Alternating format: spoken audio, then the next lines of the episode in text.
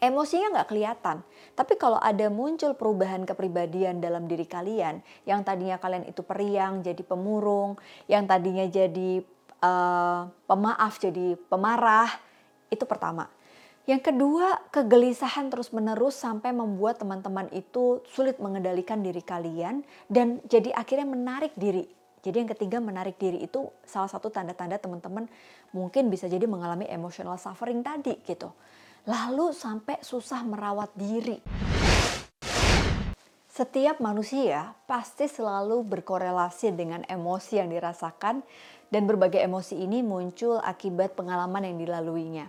Bisa jadi emosi negatif ataupun emosi positif.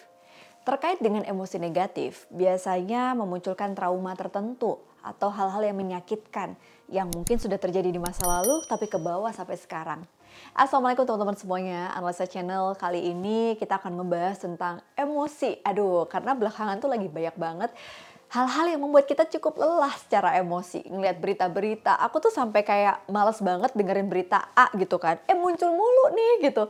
Itu tuh kayak nge-trigger sesuatu yang bikin kita capek gitu kan. Terus aku juga melihat ada beberapa eh, orang-orang yang memang lagi dalam kondisi yang tidak ya tadi ya contohnya public figure yang lagi tersorot gitu kan uh, dan mengalami beberapa traumatic issue yang menurutku ini bisa menarik uh, diri kita kalau bisa jadi relate sama pengalaman yang pernah dilalui. Nah, ngomongin soal emosi itu kan nggak bisa dikendaliin ya teman-teman. Di otak kita tuh kayak ada satu limbik yang itu merespon emosional uh, respon ketika melihat sesuatu, mendengar sesuatu. Nah bahayanya kalau emosi ini memang hadir akibat pengalaman traumatis yang kita alami di masa lalu tapi kita nggak sadar dan kita nggak melakukan penyembuhan dengan emosi itu, kita tuh bisa ke-trigger sama hal-hal sederhana dalam hidup. Nah, ngomongin soal penyembuhan emosi atau biasa disebut dengan istilah emotional healing, ini menarik ya, karena emotional healing itu kayak sering banget mbak aku pengen healing dong butuh traveling. Halo mbak aku pengen shopping ini kan healing aku. Hati-hati pusing lihat billing ya kan? Jadi emotional healing itu apa sih? Menurut seorang ahli, emotional healing ini diartikan sebagai kemampuan kita mengenali peristiwa dan keadaan yang pernah terjadi dalam hidup kita, terutama terkait dengan emosi-emosi negatif yang menghambat kita untuk maju. Jadi, dengan adanya emosi negatif atas pengalaman di masa lalu itu, kita tuh kayak jadi nggak bisa maju gitu. Kalau kita lagi melakukan emotional healing, emosi-emosi itu bisa kita kendalikan dan kita bisa moving forward sama hidup. Itulah emotional healing. Jadi kalau kamu belum move on, belum bisa dikatakan emotional healing itu, itu namanya blaming atau menyalahkan keadaan. Oke, ngomongin soal emotional healing ini penting ya. Karena e, banyak yang nanya gimana caranya gitu kan. Pertama, kita tuh perlu menyadari dulu setiap emosi yang hadir. Gimana kita bisa aware kalau kita itu nggak paham situasinya. Jadi awareness ini harus kita pahami apa sih, perhatikan apa yang kita lakukan, apa yang terjadi dalam hidup kita, emosi apa yang hadir. Kalau itu terjadinya udah lampau dan ke bawah sampai sekarang tapi kita nggak sadar, nah ini yang perlu kita tulis ulang boleh kok teman-teman ambil kertas ditulis apa sih perasaan saat itu dan kira-kira relate yang mana nih sama kejadian di masa lalu. Mungkin patah hati pernah diputusin atau diselingkuhin. Coba tulis. Ternyata itu bagian dari traumatik kita. Mungkin melihat kekerasan dalam rumah tangga pada saat orang tua cekcok waktu teman-teman masih kecil. Tulis. Mungkin kehilangan orang tua pada saat teman-teman masih beranjak remaja yang itu cukup memukul teman-teman di dalam hidup yang sampai sekarang kebawa emosinya tulis. Mungkin kehilangan kerja dan ngerasa kayak nggak fair gitu kan di dalam relasi pekerjaannya tulis. Nah pada saat kita sadar teman-teman tuh jadi punya kemampuan mengendalikan yang lebih baik. Kenapa? Karena pada saat itu kita bisa memilah antara merespon dengan bereaksi. Jadi kalau kita bisa merespon reaksi dan um, respon ini adalah yang beda gitu ya, ada sesuatu yang beda. Reaksi tuh kita kayak automatically ya udah gue mau memberikan reaksi begini deh tanpa berpikir panjang. Tapi kalau respon itu kayak ada sesuatu yang kita kenali dulu emosinya gitu. Jadi itu penting sekali. Nah, ngomongin soal awareness terhadap emosi yang hadir, biasanya ada beberapa simptom atau gejala atau tanda-tanda yang bisa teman-teman detect ya. Jadi pertama nih, setelah tadi lihat peristiwanya, kemudian teman-teman lihat apa sih perubahan yang terjadi dalam diri teman-teman terkait dengan uh, emosi tadi. Emosinya nggak kelihatan, tapi kalau ada muncul perubahan kepribadian dalam diri kalian, yang tadinya kalian itu periang jadi pemurung, yang tadinya jadi uh, pemaaf jadi pemarah, itu pertama. Yang kedua, kegelisahan terus-menerus sampai membuat teman-teman itu sulit mengendalikan diri kalian dan jadi akhirnya menarik diri. Jadi yang ketiga menarik diri itu salah satu tanda-tanda teman-teman mungkin bisa jadi mengalami emotional suffering tadi gitu. Lalu sampai susah merawat diri, ini yang cukup sering aku temukan. Dan ini nggak sehat ya teman-teman. Nah akhirnya yang paling terjadi adalah hopeless, keputusasaan yang berkepanjangan kalau teman-teman mengalami lima gejala tadi, boleh kita aware bahwa kita lagi mengalami emotional suffering. Kejadian yang mana? Itu yang kita harus cari tahu. Nah pada saat kita udah cari tahu nih, ternyata kita terluka atas kejadian tertentu, menyaksikan hal-hal yang gak nyaman, traumatik, kita lihat levelnya. Level marah kita itu di level berapa? Sehingga pada saat kita mau healing, kita bisa mencari keseimbangan dari setiap aspek penyembuhan emosi kita tadi. Healing ini menurut seorang ahli ada beberapa yang mengembangkan ya. Kita nggak cuma secara uh, mental, nggak cuma secara emosional. Tapi dalam buku yang berjudul The Four Levels of Healing, di situ dituliskan bahwa uh, salah satu kehidupan manusia itu bisa dilihat dari empat eksistensinya. Jadi kalau teman-teman mau healing, eksistensi ini perlu kita penuhi. Paham maksudnya teman-teman? Jadi yang pertama nih, spiritual level. Kalau kita paham eksistensi spiritual kita, di situlah kita bisa memberikan penyembuhan terhadap emosi yang kita punya. Luka batin kita. Kembalikan lagi kepada yang maha kuasa. Kita eksis think lagi gitu, kita hadirkan lagi spiritual level ini. Nah, yang kedua adalah mental. Nah, mental ini teman-teman, mungkin teman-teman akan mengalami banyak pemenuhan di dalam diri kalian yang berusaha untuk dipenuhi gitu kan.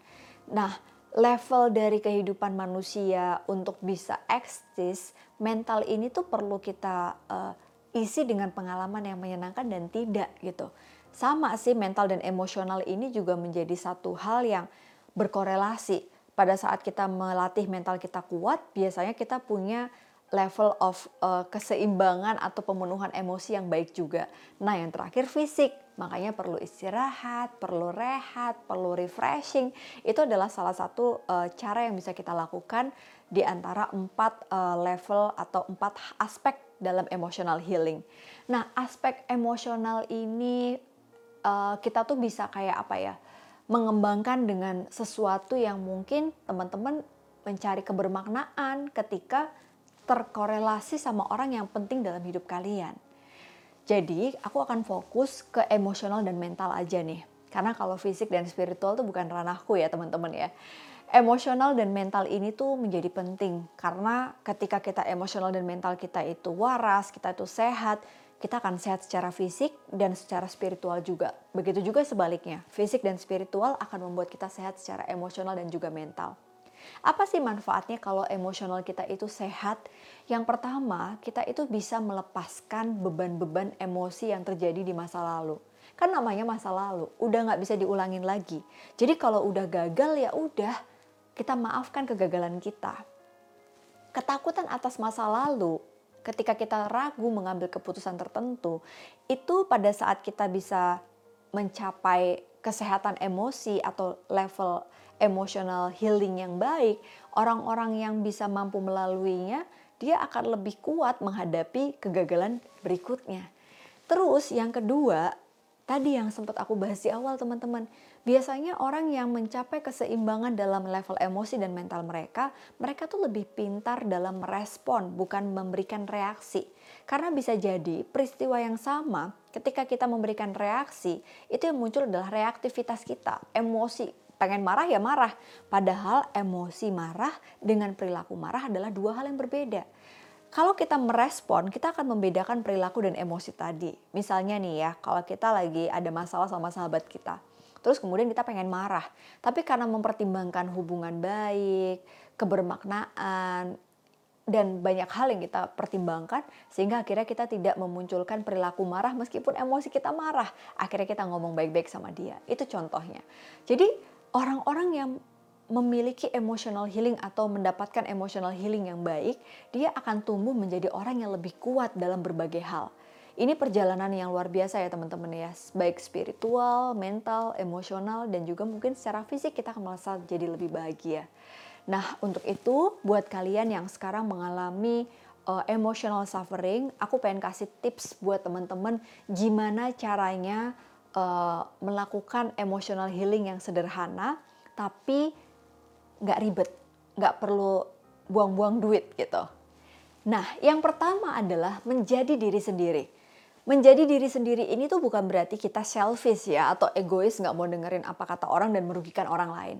Menjadi diri sendiri adalah menetapkan batasan yang mau kita buat dalam hidup yang kita yakini sebagai sebuah kebenaran dan nggak berusaha untuk mengesampingkan tanggung jawab kita. Jadi stop mendengarkan apa kata orang teman-teman. Kalau memang kita itu pengen uh, emotional healed atau sembuh gitu ya, coba cari tahu apa yang kamu cari dalam hidup. Yang kedua, ciptakan dirimu sendiri. Maksudnya gimana sih? Misalnya nih, ketika kita uh, tahu bahwa kita sedang terluka. Oke, okay, ini memang diriku yang asli gitu. Aku tuh memang lagi dibentuk. Tapi sekarang aku tuh mau jadi kayak siapa sih? Itu kayak self talk yang perlu kita tanya. Sekarang memang saya sedang terluka. Saya memang begini nih, persona saya tuh saya lagi kayak gini nih gitu.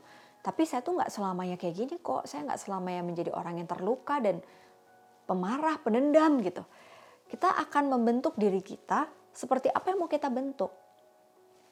Terluka bukan berarti selamanya. Kita sedang membentuk diri kita untuk menjadi lebih baik daripada sebelumnya.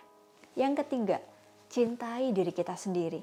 Coba teman-teman berikan ruang untuk teman-teman tuh bisa menerima diri kalian seapa adanya tanpa mengesampingkan tanggung jawab teman-teman ya. Jadi misalnya nih ya, kalau misalnya kita itu sekarang belum jadi orang hebat, ya udah. Tapi ingat orang-orang di sekitar kita menerima kita kok. Orang tua kita tetap bangga sama kita. Anak kita tetap sayang sama kita kalau yang sudah berkeluarga. Karena kalau kita mau mencapai ekspektasi orang lain gak akan pernah cukup dan kita jadi sulit mencintai diri sendiri. Yang keempat adalah kuasai pikiran kita. Kuasai pikiran kita ini bukan berarti teman-teman itu kayak apa ya eh, berusaha untuk mengendalikan setiap emosi yang hadir tuh harus positif semua gitu enggak gitu. Artinya kita bisa ngajak dialog diri kita bahwa kalau dalam pikiran kita muncul negatif, kita tidak berusaha mereaksi atau bereaksi negatif juga. Jadi kita tahu pikiran kita negatif, tapi perilaku kita nggak boleh negatif. Memaafkan. Bukan berarti kita melupakan.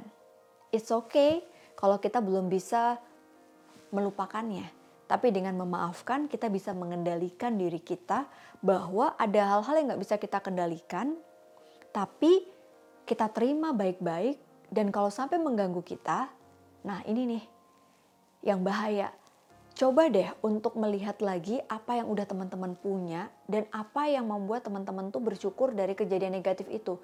Andai kan dulu nggak diputusin sama pacar, aku nggak ketemu suamiku yang sekarang gitu kan. Andai kan dulu nggak diselingkuhin, aku nggak ketemu sama uh, suami idaman gitu kan.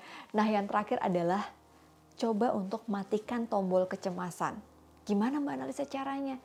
Stop mendramatisir kalau udah mulai ada kecemasan yang muncul dan mengganggu kalian, stop berpikir tentang itu. Ambil buku baca, style film atau drakor yang lagi kita suka. Ambil sepatu jogging lari gitu. Jadi kalau lagi cemasnya muncul, berikan aktivitas positif yang dulu kamu lakuin dan sekarang kamu tinggalkan. So, teman-teman, ingat ini adalah proses ya. Kita coba sama-sama hadapi kenyataan bahwa ada banyak kejadian yang nggak bisa kita kendalikan Cobalah untuk memaafkan dimulai dengan menyadari, menerima, dan mengelolanya dengan baik. Semoga setiap emosi itu akan bermakna dalam tumbuh kembang diri kita sebagai pribadi yang utuh. Terima kasih sudah nonton Ansa Channel. Semoga setiap episode ini bisa menemanimu untuk selalu berproses dengan setiap emosi yang hadir dalam hari-harimu. Assalamualaikum warahmatullahi wabarakatuh.